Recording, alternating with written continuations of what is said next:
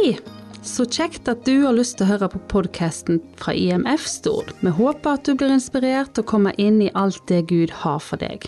Vi ber om at han må møte deg gjennom denne talen. Da vil jeg ønske deg ei velsigna lytting. Komme her, da. Det må jeg jo si. Men det er alltid sånn når det er at man, eh, man skal komme et sted og forkynne Guds ord, så gleder man seg veldig ganske lenge.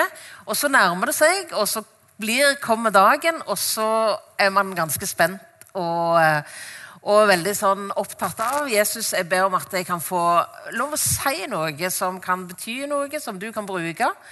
Både for enkeltmennesket og for fellesskap.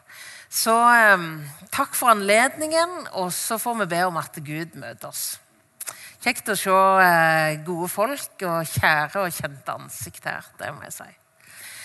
Eh, det er jo Fordelen med å ha reist eh, litt sånn i misjonen det er at jeg treffer ofte folk som jeg har truffet før. og Både i tilknytning til Bildøy og tilknytning til ulike sammenhenger i Indremisjonen. På Brandøy og så videre.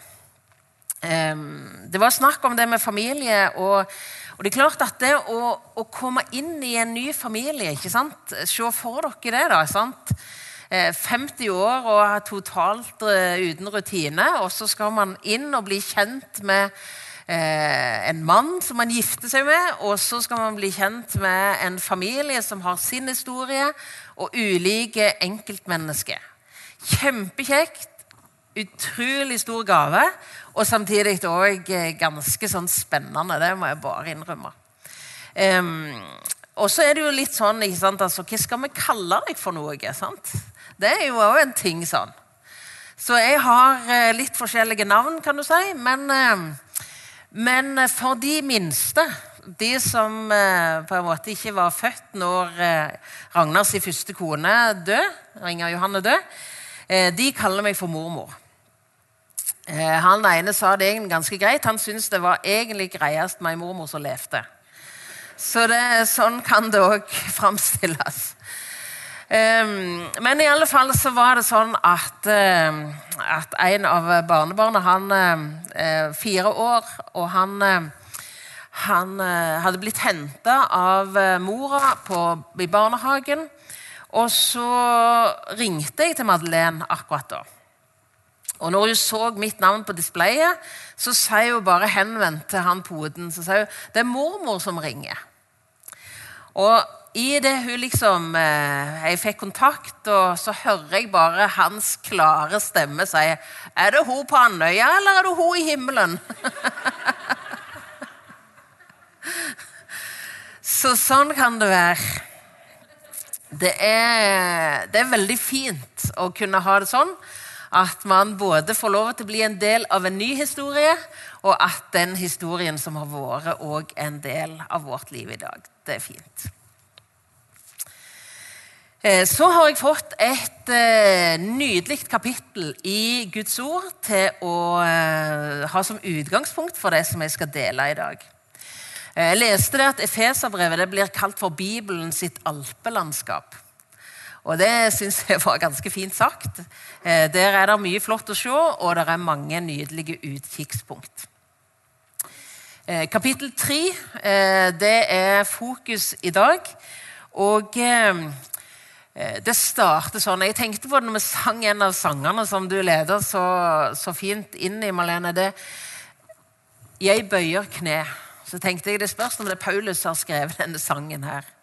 Eh, derfor bøyer jeg mine knær, jeg Paulus, som er blitt Jesu Kristi fange, for deres skyld, dere hedninger. Jesus, jeg har lyst til å takke deg fordi at du er her. Jeg har lyst til å takke deg for at du allerede har sagt noe om at du ønsker kontakt. Takk for din naglemerkte hånd som banker på våre hjerter sine dører. Takk, Jesus, for at du ønsker virkelig å møte oss. Takk for at det ligger på ditt hjerte, og du har noe for oss. Du vil dele fellesskap, du vil dele måltid. Og nå setter du framfor oss ditt ord, din mat. Og så ber Jesus om at du kan møte hjertene våre med det som du ser vi har behov for. Takk fordi at du er så rik, Jesus, og du har så kontroll på hvem vi er og hva vi trenger. At du er i stand til å gi den enkelte av oss ved din hellige ånd det som du ser vi har bruk for. Takk for din kjærlighet, Jesus. Takk for ditt offer. Takk for ditt nærvær. Og så har vi lyst til å prise deg og gi deg ære for den du er. Amen. Eh, Paulus er jo i fangerommet i Roma når han skriver dette brevet her. Og når jeg leste dette kapitlet, dette kapittel tre, så syns jeg nesten at det er sånn at man, man liksom ser en mann som er Av og til så snakker vi om indre dialog. sant? At du, du snakker litt med deg sjøl, på en måte. Og jeg tipper at når du sitter i fengsel, så får du anledning til å snakke litt med deg sjøl.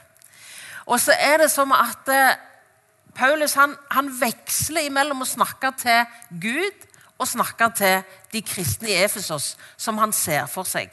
Denne menigheten som han var med på å etablere på en av sine misjonsreiser. Her han var i to år, ble godt kjent med folk, opplevde mange ting. Og så nå så sitter han og skriver brev til dem, og så ber han litt for dem, og så skriver han litt mer, og så ber han, og så skriver han.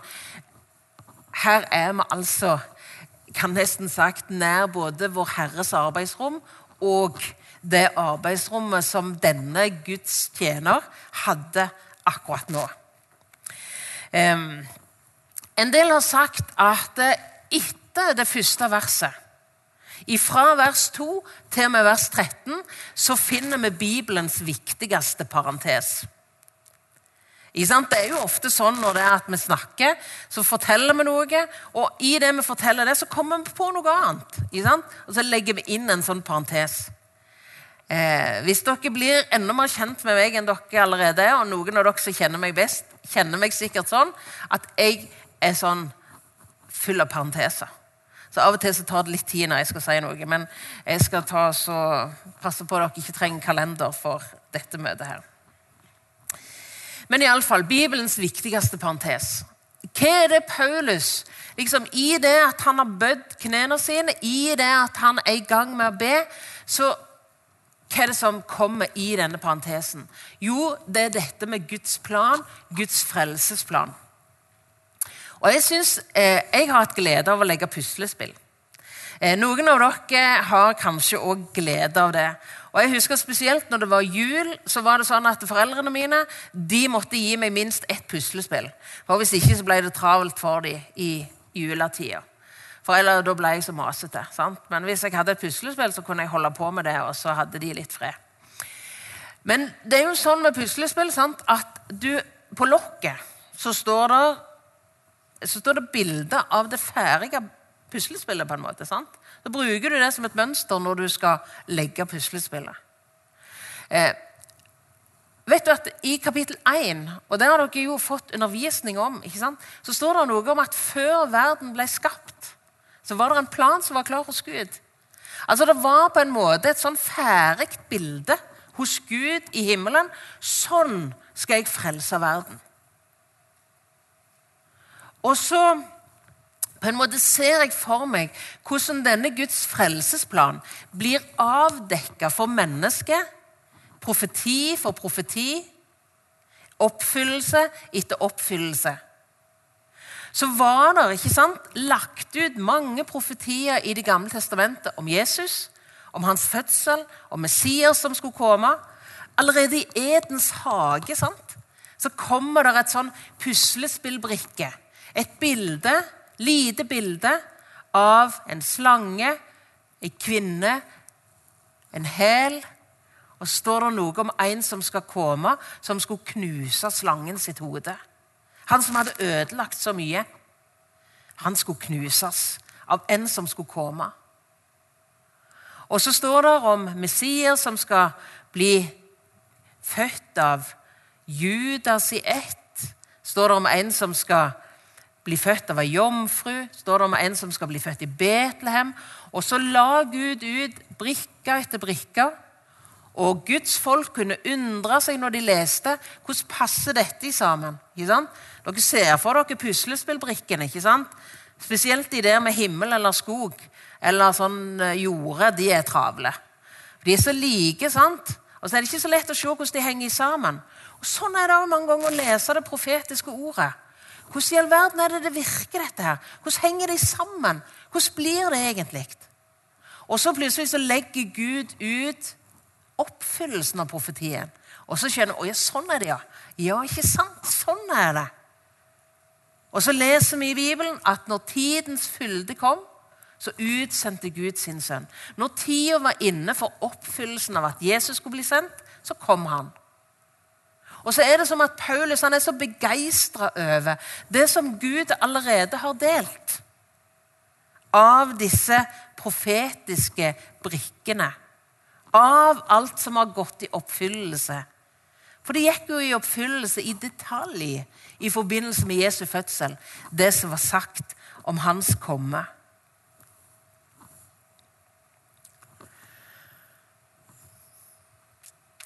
Når Jesus eh, reiser, eller sammen med disiplene siste kvelden, så, så sier han om Den hellige ånd at han skal åpenbare hele sannheten. Og det er én sannhet som Gud fremdeles ikke hadde lagt ut ei brikke om, eller i alle fall ganske vagt. Det får Paulus en informasjon om. Han skriver i denne viktige parentesen at det er et mysterium som Gud har åpenbart for meg. Det er en hemmelighet som Gud har åpenbart for meg. Og det kan du lese her i Efeserbrevet kapittel 3. Jeg har lyst til å bare lese fra vers 3 og litt ut gjennom, sånn at vi, vi tar med oss ordene fra Gud. Ved åpenbaring, altså ved å avsløre noe, har han kunngjort for meg hemmeligheten, slik jeg overfor har skrevet med få ord. Når dere leser det, vil dere kjenne min innsikt i Kristi hemmelighet. Den var ikke i tidligere tidsaldre gjort kjent for menneskenes barn, slik som den nå er blitt åpenbart for Hans hellige apostler og profeter ved Ånden. Og så kommer det at hedningene er medarvinger. De hører sammen til legeme, hører med til legeme, og de har del i løftet ved Kristus Jesus ved evangeliet. Hedningene er medarvinger. Hedningene det betyr bare enkelt sagt en ikke-jøde. I Det gamle testamentet så forholder Gud seg til to folk. Han forholder seg til jødefolket, til de som ble kalt for Guds folk, og så forholder han seg til alle andre folk som går inn under uttrykket hedningene. Hedningene er medarvinger. Israelsfolket hadde fra Abrahams tid og fram til Jesus kom, hatt en opplevelse av, og det var rett, at de var Guds utvalgte folk i verden. Det var gjennom dette folket at Gud åpenbarte seg.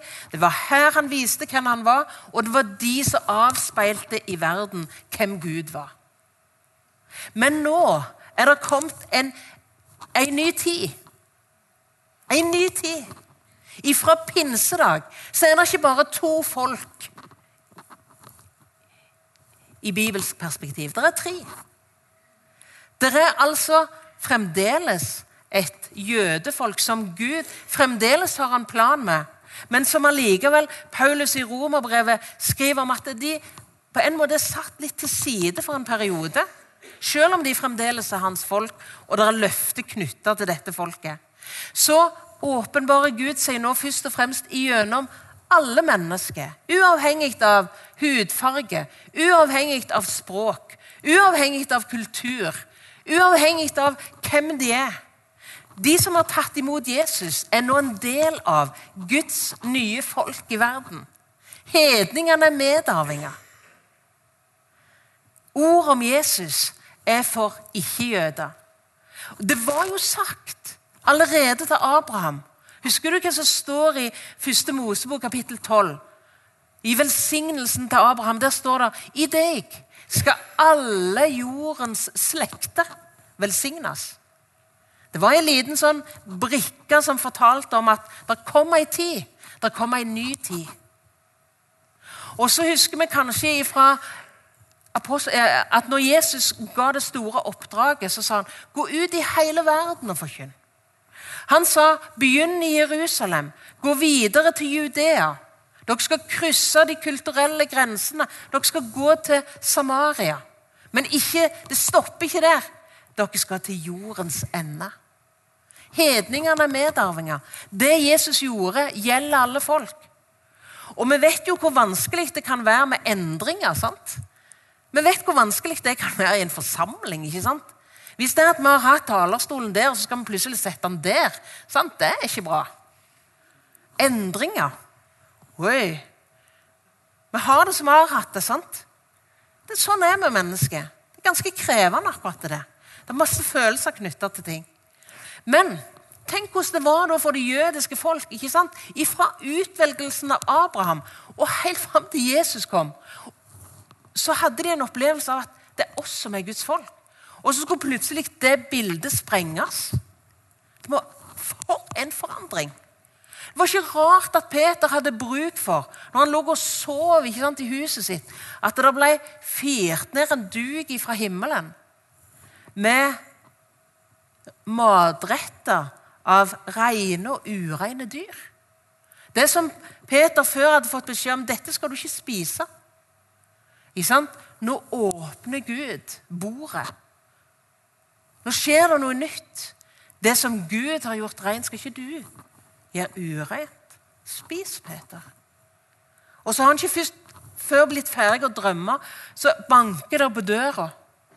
Og så kommer det noen som forteller om en romer som het Kornelius, som lengtet etter Gud. Tror du det var tilfeldig at Peter hadde hatt denne drømmen? Nei, Han trengte hjelp til å skjønne hemmeligheten som Gud hadde åpenbart. Hedningene medarvinger de hører med til løftet. De hører med til løftet. Den andre tingen, det andre privilegiumet på mange måter, som Paulus avslører i denne parentesen, det skal vi lese om videre i vers 7. For dette evangelium er jeg blitt tjener i kraft av den Guds nådes gave som er meg gitt ved virksomheten av Hans kraft. Til meg, den minste av alle de hellige, ble den nåde gitt å forkynne hedningene evangeliet om Kristi uransakelige rikdom. Og å opplyse alle om hvordan husholdningen er med denne hemmelighet som har vært skjult fra evige tider i Gud, Han som har skapt alt. Det var åpenbart for Gud. Det var på Guds ferdige bilde over hans frelsesplan. Men det var ennå ikke blitt meddelt så tydelig og revolusjonerende til mennesket. Og så opplever altså Paulus dette privilegium. At jeg, Paulus, som har forfulgt de kristne Jeg som ikke har noe å rose meg av når det gjelder forholdet mitt til Jesus jeg skal få lov å få det privilegium å fortelle om de gode nyhetene om Jesus. du sa det, Jarle, at eh, det var en ny tidsalder, en sånn koronatidsalder. Vet du hva jeg tror hadde blitt et, en god nyhet i dag? Det var å kunne fortelle at nå er det en vaksine. Og den er ikke bare utvikla, men den er velprøvd. Og du kan trygt sette armen eh, bort, og du kan trygt ta imot den vaksinen. Den vil beskytte deg imot koronaviruset. Det var ikke sånn at vi hadde slitt med å fortelle det. sant? Det var ikke sånn at vi hadde syntes det var dumt å si det til noen. Vi hadde tenkt jeg har jo verdens beste nyhet for mennesket i dag. Mennesker som er bekymra, mennesker som er redde. Og så kan vi tenke er det andre sånne gode nyheter vi kan se for oss. Eh, det med gjeld er jo en sånn ting som iallfall jeg kjenner til. Og jeg tenkte Hvis det at jeg hadde fått et brev fra banken sant? at gjelda mi var sletta. Det var en som hadde betalt. Det var ikke sånn at jeg hadde mista motet av det. Det var ikke sånn at jeg ikke ville dele det med noen. Hva er det som skjer når det, er at det kommer en ny verdensborger til i familien? Ikke sant? Når vi får bilder nå ikke sant, fra sykehuset med ikke sant, et lite sånn ansikt med ei god lue på og innpakka i, i, eh, i, i, sånn eh, teppe og, Man har jo lyst til å fortelle det til alle. Og nå er det jo sånn at Foreldre kanskje de må si at kanskje dere bare demper litt det der med at dere forteller det, sånn at vi kan få lov å si det sjøl. Det er jo nesten sånn at det er på Facebook før at de vet nesten at, at liksom fødselen er helt over. Man har så lyst til å dele den gode nyheten. Og så er det av og til sånn at skjønnsomhet ikke nødvendigvis er en ulempe. I sånne tilfeller, da. Men, men altså den gode nyheten Paulus han opplever det bare. Han hadde jo brukt så mye av livet sitt til å oppfylle loven. Han hadde vært så opptatt av at han skulle leve til punkt og prikke i forhold til det som var Guds vei og Guds vilje. I håp om å tilfredsstille Gud.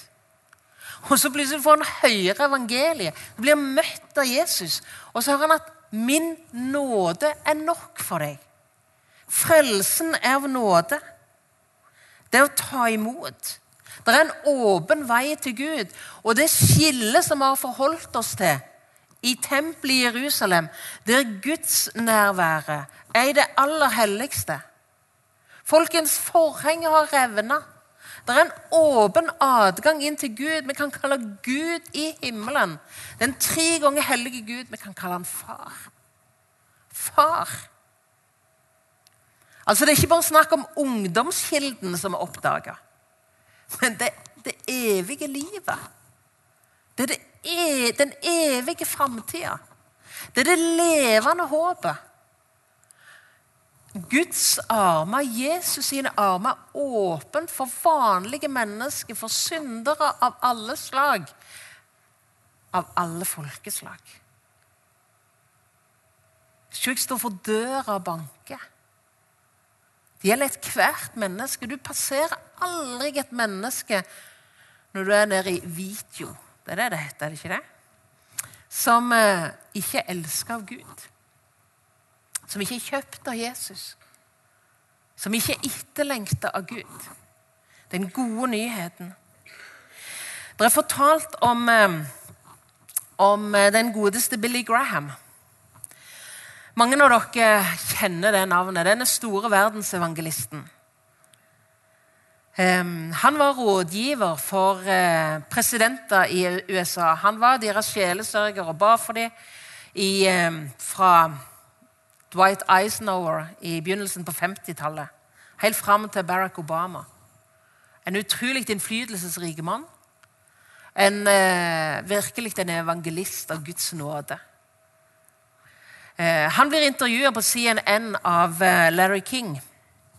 Og eh, Det ligger på YouTube, så du må gjerne gå inn og se det. Det er ganske spennende. Eh, og så blir eh, Billy Graham spurt av Larry King.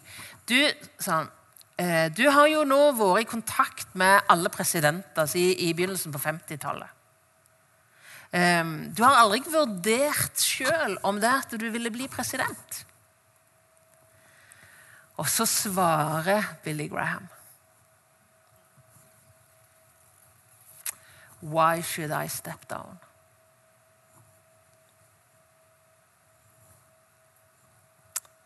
Vet du Av og til trenger vi må be mye til Jesus om at evangeliet ikke blir selvsagt for oss. Why should I step down? Jeg har en større tjeneste. Jeg har en større tjeneste Det var lett for å se smått på det vi holder på med i Guds rike. Og må Gud hjelpe oss til å skjønne at dette er det store oppdraget. Dette er den store verdiskapningen. Til meg. Tenk at jeg skal få lov å fortelle at det er en port til himmelen som er åpen. Det er en Jesus som har betalt for våre synder. Det er muligheter for å få del i det evige liv. Det er mulig å få lov å leve med Jesus. Bli kjent med ham. Erfare hans kjærlighet, hans kraft, hans nåde. Det er et liv som begynner her, og som fortsetter. Og så går Paulus tilbake igjen til bønna. Han skildrer Unnskyld. Han skildrer eh, fellesskapet, nydelige, denne nydelige relasjonen i barnekåret. I ham har vi frimodighet, og ved troen på ham har vi adgang med tillit. Barn av Gud. Se hvor stor kjærlighet Faderen har vist oss, at vi skal kalles Guds barn. Når Paulus ber, så ber han til far. Når du ber, skal du få lov å si 'Vår Far som er i himmelen'. Og så skal jeg lese denne bønna fra vers 14. Hør hvor fint. Derfor bøyer jeg da mine knær for Faderen, Han som er den rette far for alt som kalles barn i himmelen og på jorden. Og Så kommer bønneemnene. Jeg ber om at, Han etter sin herlighetsrikdom ved sin ånd må gi dere å styrkes med kraft i det indre mennesket. At Kristus må bo ved troen i deres hjerter, for at dere, rotfestet og grunnfestet i kjærlighet, sammen med alle de hellige, kan være i stand til å fatte hva bredde og lengde, høyde og dybde her er, og at dere må kjenne Kristi kjærlighet, som overgår all kunnskap, så dere kan bli fylt til hele Guds fylde. Han som kan gjøre mer enn alt, langt utover det vi ber eller forstår, etter den kraft som er virksom i oss. Ham være ære i menigheten og i Kristus Jesus gjennom alle slekter og alle i alle evigheter. Amen. Av og til når det er at vi synger, så er det sånn at den som spiller, legger opp sangen. sant? Jeg vet ikke hva det heter egentlig på fagspråket, fordi at eh, jeg hører med til amatørene på, på, på opplegg. Men du, du, du, legger opp sangen sånn at du Det er litt høyere toneleie, ikke sant? Fra ett vers til et annet vers. Man begynner kanskje litt lavt, så går man høyere og høyere.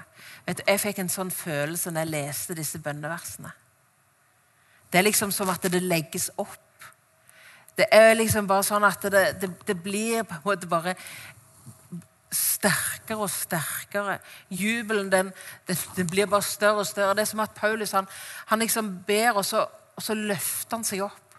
Så begynner han her. ikke sant? Dere må styrkes med kraft i det indre mennesket. Tenk så nydelig. Oppstandelseskraft. Min nåde er nok for deg. Min kraft fyllendes i svakhet. Tenk at dette ber Paulus om. Styrkes med kraft i det indre mennesket. Og så går vi opp et takk at Kristus ved trua må bo i hjertet deres. Det var det Jesus ba om når han ba for Peter. ikke sant? Hold fast på Jesus. At trua må styrkes, at Kristus må bo der. Bli hos Jesus. Livet kan veksle. Nederlag og seier, sorger og glede, mørke og lys. Hold fast på Jesus. At Kristus må bo i hjertet. Jeg ba for deg at trua di ikke måtte svikte, Peter. Jeg ba om at du skulle bli hos meg. Hils til Peter dog især. Jeg vil møte deg igjen, Peter. Sånn er Jesus. Å kjenne Kristi kjærlighet. ikke sant? Opp et hakk til. Kristi kjærlighet. Lær meg å kjenne dine veier. Lær meg å kjenne dine tanker. Men lær meg fremfor alt å kjenne din grenseløse kjærlighet den som brant tusen stjerner tenne når lykkens sol for meg går ned. Den tørrer tåren som den skapte, og leger såret som den slo. Den sveiger gjennom det vi tapte. Den gir oss mer enn den tok. Kristi kjærlighet, hyrden som leida, hyrden som steller, hyrden som ser, hyrden som forstår, Jesus som kan. Jesus elsker deg, ser du. Du er så viktig for Jesus at hvis det var bare du i hele verden, så hadde han dødd bare for deg. Tenk det. Så bare du, Marlene, så hadde Jesus dødd for deg. Kristi kjærlighet. Tenk at du elsker meg, Jesus. Tenk at du elsker meg. Kan få lov å lære, erfare, ta imot, glede meg i og bli preget av og en kanal for Jesu kjærlighet. Og så går vi liksom, Da er det ikke mer igjen. sant? Da er det ikke mer igjen. To God be the glory. Han, han skal ha æren. Han skal ha æren.